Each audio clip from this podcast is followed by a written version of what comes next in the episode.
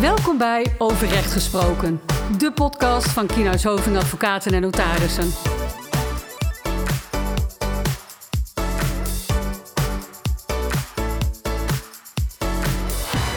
Matthijs, daar zijn we weer terug van weg geweest. Ja, het is even geleden. Ja, inmiddels een halfjaartje denk ik. Ja, maar we hadden toen al aangekondigd dat we een tweede podcast zouden opnemen over uh, tegenstrijdig belang van bestuurders. En belofte maakt schuld. Daarom. Dus hè, welkom aan de luisteraars voor de podcast Ondernemingsrecht tegenstrijdig belang van bestuurders. Ja, en dan zit aan deze kant van de tafel Anna ten Hagen, kandidaat notaris ondernemingsrecht. En Matthijs Verrozen, notaris op het gebied van ondernemingsrecht. Kijk, en we zitten hier niet voor niets, want Matthijs, het is al enige tijd geleden, maar jouw scriptie ging over het tegenstrijdig belang. Ja, ik heb uh, ooit, dat is echt al heel lang geleden, een scriptie geschreven over het onderwerp tegenstrijdig belang. Dat was toen heel actueel, er was veel uh, rechtspraak op dat punt, spannende ontwikkelingen. Um, en daar is daarna een grote wetswijziging weer gekomen. Dus uh, ja, we gaan vandaag in op de relevantie van het begrip tegenstrijdig belang voor de praktijk. Ja, en dat uh, inderdaad, het is nogal een technisch onderwerp. Dus we wouden dat een beetje aan de hand van voorbeelden uh, gaan toelichten. Ik denk dat het uh, juist heel leuk is hierover podcast op te nemen. Want als je dit gaat opschrijven, dan wordt het ontzettend saai en statisch. En met een paar voorbeelden leeft het een beetje meer. Ja, nou ja. Dus hopelijk kunnen we dat dan ook goed weergeven in deze, in deze aflevering. Um, ja, misschien is het goed om even de podcast een beetje toe te lichten, wat we gaan doen. Um, allereerst gaan we even de relevantie bespreken. daarna het begrip, wat is het überhaupt? Vervolgens uh, zullen we ingaan op de wijzigingen die daar hebben plaatsgevonden in de regeling. En wat, gaan we, wat moeten we nou doen als er een tegenstrijdig belang speelt en wat zijn de risico's? Ja, hè, wat, wat moet je doen als je denkt een tegenstrijdig belang aan de hand te hebben en wat gebeurt er als je het niet goed doet? Ook belangrijk inderdaad. Ja, want het is natuurlijk wel uh, tegenstrijdig belang. Hè? Het is altijd van belangenconflict, hoe moet je ermee omgaan? Dus op het moment dat je het aan de hand hebt, wil je wel dat je er zorgvuldig mee omgaat. En dat is ook waarom we deze podcast uh, opnemen. Ja, Hè, tegenstrijdig belang, dat is best wel een, ja, als je het hoort, een abstract begrip. Je denkt, wat valt er nou onder? Uh, maar het is in de praktijk ook wel relevant. Hè, omdat, omdat uh, op het moment dat er een belangenconflict lijkt te spelen, wil je het allemaal goed doen, transparant, helder, moet je het ook op de juiste manier uitvoeren.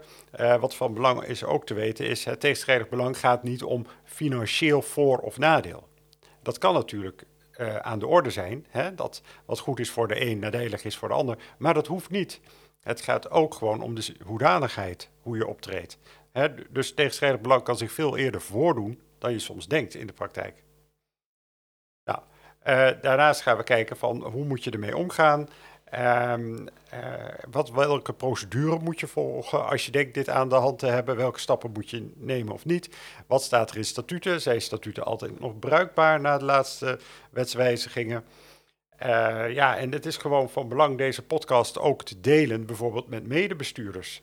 Want degenen die hier naar luisteren, die zijn straks volledig op de hoogte. Maar het is binnen een bestuur wel van belang dat iedereen het weet. En we zouden het hebben, over, hebben het over bestuurders. Maar eigenlijk wat wij nu noemen geldt ook voor tegenstrijdig belang van toezichthouders. leden van de Raad van Toezicht. Commissarissen. Ja. ja, nou, en daar gaan we dit keer niet nader op in, omdat het zich wat minder vaak voordoet, maar ook vaak vergelijkbaar is ja, en dan inderdaad nog daarop aanvullend. Het tegenstrijdig belang is ook iets wat een bestuurder eigenlijk zelf het beste kan signaleren en eigenlijk moet signaleren. Want het is niet altijd zo duidelijk dat er een tegenstrijdig belang bestaat. Nee, eh, op het moment dat anderen dat voor de bestuurder moeten signaleren, is het eigenlijk al te laat. Hè? Dus een, degene om wie het gaat, die zal dat op een vroeg uh, tijdstip moeten melden aan de anderen. Nou, en wat, wat is nou tegenstrijdig belang? Hè? Uh, dat is eigenlijk de situatie, uh, zegt de wet, dat één of meer personen een belang hebben, direct of indirect, persoonlijk is, dat tegenstrijdig is het belang van de vennootschap en de daarmee verbonden onderneming. Ik hoop dat er nu niet mensen uit afhaken naar deze zin. Maar hè, dat, dat is best wel breed. Het klinkt wat vaag. Wat houdt het nou concreet in? Nou, heel simpel voorbeeld. Hè, de, een bedrijf verstrekt een lening aan de bestuurder.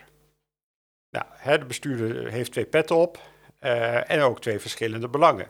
Kort gezegd, het uh, belang van de bestuurder is zelf zo min mogelijk te betalen en het belang van het bedrijf is zoveel mogelijk rendement te halen. Uh, dat is een duidelijk belangenconflict. Nou, daarvan heeft de wet gezegd, ja, in die situatie maak je misschien niet de juiste afwegingen, dus schrijf een aparte regeling voorop hoe daarmee om te gaan. maar dat is heel, een heel duidelijke situatie. Je hebt ook een indirect tegenstrijdig belang. Dat is bijvoorbeeld als het bedrijf een lening aangaat met, laten we zeggen, de neef van de bestuurder. Dat is de bestuurder niet zelf, maar wel een met hem verbonden persoon. Alleen misschien is het voor de anderen helemaal niet kenbaar dat diegene de neef is van de bestuurder. Dus daar moet je wel extra aandacht aan besteden. Ja, en bij die eerste situatie inderdaad, dan zitten we vaak wel dat een andere bestuurder het wellicht ook kan signaleren. Maar in die tweede, dan gaat het ook om de bijzondere band die een bestuurder met degene heeft, waarmee de, wij noemen het dan de rechtshandeling, maar bij wijze van spreken de overeenkomst wordt aangegaan. Ja, dan moet, uh, hè, dan, spelen er toch verschillende belangen. Um, en dan is uh, volgens de wetgever uh, de bestuurder niet altijd in staat meer het privébelang en zakelijk belang te scheiden. Nee, wat ook wel logisch is, want je spreekt je neef wellicht elke jaar op de familiedag en denkt, dan moet ik nog goed door een deur kunnen. Nou ja, of uh, andere familieleden, ja. Kan ook, ja. ja. Kijk, en daar komt ook aan de orde dat het niet om een financieel nadeel hoeft te gaan. Hè? Want stel, die neef heeft een, noem maar wat, een, een mooi softwarebedrijf. En die uh, levert een prachtig contract. Uh, en wat gewoon in de markt het beste product is voor een heel redelijke prijs. Nou, zou je denken, daar is iedereen alleen maar bij gebaat. Maar toch geldt ook daar, dat is nog steeds een tegenstrijdig belang, omdat er verschillende belangen spelen. Dus moet je ook uh, de situatie, de regeling toepassen. Ja, dus inderdaad, de uh, consequenties zijn niet bepalend, maar uh, de band die de bestuurder heeft met dan wel uh, de neef of de, het familielid of een andere rechtspersoon zou natuurlijk ook kunnen. En dan komen we eigenlijk al bij de derde categorie van het tegenstrijdig belang. en dat is dan het kwalitatief tegenstrijdig belang. dat klinkt ook als een eng begrip. Maar eigenlijk is dat de situatie dat een bestuurder van een, bijvoorbeeld een BV in de hoedanigheid van die bestuurder optreedt, maar ook in de hoedanigheid van een andere BV. En zo zou het ook kunnen, uh, kunnen uh, kwalificeren als een tegenstrijdig belang. Want je hebt namelijk twee belangen te behartigen: het belang van de ene vennootschap en het belang van de andere vennootschap. Ja, waarbij dat vooral geldt als die vennootschappen losstaan. En het kunnen vennootschappen zijn, maar kunnen ook stichtingen zijn en dergelijke. Um, we komen straks wel even op een uitzondering voor concernvennootschappen. Ja, en dan uh, daar is ooit een uitspraak geweest dat uh, hoe, hoe je mee moet omgaan als uh, een tegenstrijdig belang zich voor lijkt te doen binnen een aantal groepsvennootschappen, concernvennootschappen. Ja, dus kort gezegd, drie soorten, direct, indirect en kwalitatief. Die hebben we net toegelicht. En um, dan is het misschien goed, Matthijs, aangezien jij natuurlijk jouw scriptie hebt geschreven in uh, het tegensbestrijdig belang voor 2012, 2021, denk ik. Ja, die scriptie was al een stukje voor 2012 hoor. 1999? Ja, ongeveer. ja. Maar zou je niet zeggen? Hè? Nee, zou ik niet zeggen, sorry, excuus. In de periode 2012-2013 uh, zijn er voor de BV een aantal uh, wetswijzigingen geweest. Uh, de Flex BV, de wet bestuur en toezicht. En toen is het tegenstrijdig belang behoorlijk op de schop gegaan. Voor die tijd was er een andere wettelijke regeling en die was wat risicovoller. In die, voor die tijd gold dat de bestuurder die tegenstrijdig belang had, mogelijk onbevoegd werd de statuten konden dan bepalen dat er een bijzonder vertegenwoordiger moest worden aangewezen. En die mocht dan handelen. De bestuurder mocht niet om die regeling heen. Daarbij stond ook in veel oude statuten: de vergadering kon altijd iemand anders aanwijzen. Maar ja, als die uh, vergadering niemand anders had aangewezen, hoe moest je daarmee omgaan? Nou, en dat was natuurlijk voor uh, anderen best wel een risico, want die konden van een afstand niet zien of er tegenstrijdig belang was of niet. Um, maar konden mogelijk daardoor wel handelen met iemand die achteraf niet bevoegd was. Nou, dat is natuurlijk best wel vervelend als je daarvoor afhankelijk bent van interne besluitvorming. Ja, en ik kan me ook voorstellen dat dat in de praktijk uh, voor jou als notaris wel moeilijk uh... Ja, het gaf vaak een heleboel bes extra besluitvorming, waarbij besluiten werden genomen voor het geval dat. En voor het geval geen sprake zou zijn van tegenstrijdig belang. Nou, dat was best wel complex. Nou, de, eerste afzwakking daarvan was eigenlijk gekomen in een uitspraak van de Hoge Raad in het zogeheten bruilarrest. Dat ging om een handeling binnen een concern tussen twee concernvennootschappen. Uh, ja, ook bij, bij die handelingen, de ene partij krijgt iets, de andere moet iets betalen. Maar daarvan uh, heeft de Hoge Raad uiteindelijk gezegd, hè, binnen een concern worden de belangen van vennootschappen gelijk geacht parallel te lopen. Hè, uiteindelijk komt het allemaal toch bovenin terecht, dus tenzij het sprake is van een heel bijzondere situatie, kom je aan tegenstrijdig belang binnen het concern niet meer zo snel toe. Oké, dus voor mijn beeldvorming, ik zet er even een voorbeeldje bij. Ik ben bestuurder van Anna BV, maar ook van uh, Matthijs BV. En boven Matthijs BV hangt uh, Notaris BV. En ik ben in al die drie hoedanigheden bestuurder en aandeelhouder. Op het moment dat ik een handeling aanga met Matthijs BV, met Anna BV, dus een geldlening binnen concern, dan zou het niet zo zijn dat daar snel sprake is van een kwalitatief tegenstrijdig belang. Nee, tenminste niet meer naar die uitspraak. Ja. Hè? En voor die tijd uh, ging je heel wat uh, besluitjes heen en weer schuiven. nou, dat kan me voorstellen dat het veel productiewerk was. Oké. Um, nou ja, daar is dus sinds uh, 2013, 2021 voor de uh, vereniging in elk geval verandering ingekomen. Um, want uh, wat jij net inderdaad aangaf, het is niet meer een uh, vertegenwoordigingshandeling. Dus de bestuurder mag nog wel gewoon zijn handtekening zetten onder het desbetreffende uh, contract of de overeenkomst. Um, het enige is inderdaad dat het is verschoven naar de interne besluitvorming binnen de vennootschap. Dus eigenlijk is het nu zo dat op het moment dat er een tegenstrijdig belang bestaat, dan moet de bestuurder die het betreft moet zich onthouden van beraadslaging en besluitvorming. Dus hoe ik het altijd uh, voor me zie, is dat wij in de uh, vergaderkamer zitten van het bestuur. Ik signaleer dat ik een tegenstrijdig belang heb. En ik moet de Kamer verlaten op het moment dat het daarover gaat. Over dat desbetreffende besluit. Ja, en ik mag weer terugkomen op het moment dat het besluit is genomen. Maar ik mag helaas niet meedoen. Zo ah. um, schets ik volgens mij uh, een praktische situatie. Ja, zo zou het moeten gaan in elk geval. Ja. of iedereen daadwerkelijk de Kamer verlaat, dat weet ik niet. Uh, maar je mag niet meedoen aan het besluit. Uh, het gekke is natuurlijk wel eigenlijk dat je wel vervolgens de handeling mag uitvoeren. Ja. Ja, en dat is natuurlijk wel wat jij net ook aangaf. Uh, die derde weet niet of die met een bevoegd persoon handelt. Daar heeft die derde, dus degene met wie de overeenkomst wordt aangegaan, heeft daar in dit geval nu geen last meer van. Nee, het, risico, het risico is verschoven uh, als het ware naar de interne besluitvorming. En ik ja. denk dat het daar ook hoort. Ja, Oké, en dan hebben we nog de bijzondere situatie. Die ga ik dan ook even toelichten. Op het moment dat wij uh, alle bestuurders een tegenstrijdig belang hebben in, uh, in, een, in een bestuur, dan uh, verschuift eigenlijk de besluitvorming. Ofwel naar de Raad van Commissarissen of Raad van Toezicht, indien die is ingesteld.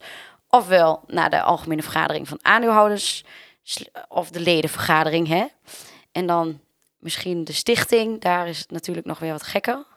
Ja, de, de stichting, uh, bij, bij, bij, de stichting geldt uh, dat je dan in de statuten moet gaan, kan zeggen, ik ga naar de Raad van Toezicht. Maar als die er niet is, dan moet je zelf in de statuten een regeling opnemen. En bij een stichting, hè, stichting heeft niet een ander orgaan. Hè, de vereniging heeft nog de leden, BV heeft de aandeelhouders. Maar bij een stichting houdt het op. Ja, dan kan je dus kiezen zelf dat je zegt, als het tegenstrijdig belang is van alle bestuurders of de enige bestuurder, dan houdt het op. Dan gaan we niet aan beginnen. Of je zegt, oké, in die situatie blijven we toch bevoegd, maar dan moeten we even het besluit heel goed opschrijven en beschrijven waarom we dit besluit gaan nemen. In de woorden uh, van de wetgever, dat de overwegingen die ten grondslag liggen aan het besluit worden vastgelegd. En eigenlijk is dat best raar. Ja, maar het is wel een goede escape, omdat je er anders niet uitkomt. Hè? Want, uh, zoals geschetst, je kan de situatie hebben dat je ondanks het tegenstrijdig belang wel door moet voor een misschien essentiële handeling. Uh, je moet dan een escape hebben. Ja, ja. Nou ja, dus in het geval van een stichting, let op. En bij de vereniging BVNV verplaatst het probleem zich eigenlijk en gaan we naar een ander uh, orgaan toe om het, eh, om het besluit te nemen. Ja, die zich vervolgens, eh, ja, daar toch, die nemen een vervangend besluit. Dus die zullen zich daar wel een beetje in moeten verdiepen. Oké, nou helder denk ik. Ehm, ja, je stipt het net al even kort in de inleiding aan. Eh, je statuten, die kunnen daar ook eh, ehm, een regeling voor hebben. Hè? Eh, de statuten van een BV, NV, stichting, vereniging. Ehm, maar daar kan ook een, een zeker risico eh, in, eh, in zitten. Ja, eh we komen nog eh, best veel oude statuten tegen. Oude statuten, dat varieert hoe oud het is. Ehm, maar ja, dat is altijd wel voor ons wat bijzonder. Iedereen heeft een telefoon en installeert daar regelmatig updates op. En ja, statuten die hoeven volgens sommige mensen geen enkele herziening of update te krijgen. Eenmaal opgesteld blijft het geldig. Ja, dat geldt juist op dit punt niet helemaal. Eh, omdat oude statuten soms ook de oude toenmalige wettelijke regeling eh, hadden. Ja, dat is begrijpelijk. Alleen eh, inmiddels is die wettelijke regeling gewijzigd. En op het moment dat jij de oude statuten erbij pakt en de statuten op dit punt van tegenstrijdig belang volgt, ja, dan denk je het misschien heel goed te doen, want je volgt de statuten, eh, maar je neemt eh, keihard een verkeerde afslag in de besluitvorming. Want eh, mogelijk doe je het op een manier die nu wettelijk niet meer is voorzien. Ja. Ah, dus dat is een beetje jammer van de moeite. Ja, en inderdaad, wat, inderdaad, wat jij ook aangeeft, hè, de statuten zijn vaak een soort van spoorboekje voor de bestuurder. om te kijken hoe gaan we het allemaal regelen. En op het moment dat je die volgt, maar het is niet de goede, niet de goede regeling omtrent het tegenstrijdig belang, dan loop je daar inderdaad een risico. En het kan wel zo zijn dat hier nu een aantal bestuurders naar deze podcast luisteren en denken, daar moeten we wat mee. Maar het is ook goed om dat inderdaad goed op in je statuten op te nemen. Want de volgende bestuurder, die wellicht niet naar deze podcast heeft geluisterd, moet het ook eh, op de juiste wijze doen. Ja, en eh, daarbij is het misschien wel goed nog even op te nemen dat op dit punt de wet voor de statuten gaat. Dus je kan niet zeggen, ik kies in eh, de statuten een alternatieve regeling. Eh, de wet eh, is gewoon leidend en biedt ook heel weinig mogelijkheden een, een andere regeling op te nemen. En oude regelingen zijn gewoon overruled. Nou, en hoe moet je daar nou praktisch mee omgaan? Statuten van BV's, nou, moet je vanuit gaan dat alles van uit of voor 2012 ehm, waarschijnlijk een oude regeling bevat en herzien moet worden. En als het goed is, vanaf 2012, 2013 is de nieuwe regeling opgenomen. Voor verenigingen en stichtingen ligt dat weer wat anders. Hè, voor de vereniging eh, is de wetswijziging ingevoerd 1 juli 2021. Eh, daarvoor gold nog een eh, oude wettelijke regeling. Ehm, bij de stichting is het helemaal anders, omdat de stichting pas in eh, juli vorig jaar hiervoor een regeling kreeg. En eh, vroeger eh, de wet niks zei over tegenstrijdig belang bij stichtingen. Dus dat betekent dat mensen zelf in statuten daarvoor een voorziening konden opnemen of niet. Nou, en op het moment dat je dus zo'n eigen, eigen voorziening voor tegenstrijdig belang in oude stichtingsstatuten hebt, zul je eerst moeten kijken, past die binnen het huidige wettelijke kader? Nou, en als, op het moment dat dat niet is, moet je de statuten terzijde schuiven en daarvoor in de wet kijken. Of misschien de statuten eventjes algeheel updaten. Wijzigen. Ja. Ja. dat kan ook. Ehm, nou goed, inderdaad, we hebben al een paar risico's eh, genoemd. Misschien is het goed om dat nog even kort samen te vatten. De risico's op het moment dat je niet de juiste tegenstrijdig belangregeling volgt en dus wel meedoet aan die beraadslaging en besluitvorming, kan dat leiden tot een vernietigbare rechtshandeling, Matthijs. Dat is Denk een, het, ja, ja. dat is een, eh, een mooie wettelijke term. Maar dat betekent eigenlijk dat het besluit wordt genomen. Maar als iemand een beroep doet op vernietiging, dan is het besluit eigenlijk met terugwerkende kracht eh, vernietigd. Dus niet meer bestaand. Nee, of de bestuurder heeft eh, meegewerkt aan een besluit waarvan hij wist dat het ongeldig was of dat het niet had mogen worden genomen op, op deze manier. Ja, en dat kan natuurlijk, eh, met name als er uiteindelijk problemen uit die handeling ontstaan, ja, kan nadelig uitpakken. Hè. In elk geval is het al niet goed eh, voor de beeldvorming. Nee, eens. Nou, dus dat is inderdaad een belangrijk een risico dat even wordt aangegeven. Oké. Ehm, Nou, dan moet je dus gaan kijken van wat moet je nou doen ehm, in zo'n situatie. Ik denk dat uh, in deze situatie het altijd goed is uh, dus te kijken in statuten. Wat staat er in uh, de statuten? Oude statuten. Kijk eerst even wat de nieuwe regeling moet zijn. Vervolgens zul je moeten kijken hoe ga ik om met de besluitvorming. Um, hè, kan ik het besluit zelf nemen? Moet een ander orgaan het nemen? Moeten andere bestuurders het nemen? Uh, daarbij is altijd natuurlijk gewoon van belang, zeker als het toch gaat om een gevoelige uh, handeling, dat je ook goed vastlegt uh, nou, welke informatie is gedeeld en op welke voorwaarden en welke gronden wordt besloten. Ja, en inderdaad informeer op het moment dat je het signaleert, informeer je medebestuursleden of in elk geval degene aan wie het uiteindelijk het besluit moet nemen, zodat in elk geval transparant bent in het feit dat er een tegenstrijdig belang eventueel zou kunnen bestaan. En mochten de andere bestuurders uh, nog niet zo overtuigd zijn dat ze op die manier moeten handelen, dan kan je in elk geval wijzen op deze podcast, waarin het uh, nou, met wat voorbeelden hopelijk wat laagdrempelig is uitgelegd. Nou, heel goed. En dan nog, denk ik, uh, voor de luisteraar de laatste boodschap. Um, volg, like en deel ons op Instagram over recht gesproken. En volg ons in jouw favoriete podcast app, zodat je op de hoogte blijft van alle updates. Want ook op, voor dit onderwerp ongetwijfeld verschijnt er op een gegeven moment weer nieuwe rechtspraak over hoe je dit moet toepassen. Nou, en zo blijf je op de hoogte. Dankjewel, Matthijs. Dank je, Anna. Dit was Overrecht Gesproken, de podcast van Kina Soving. Heb je vragen of wil je meer informatie? Stuur dan een e-mail naar podcast.kienhuishoving.nl Wil je niets missen? Abonneer je dan op onze podcast via jouw favoriete podcast-app.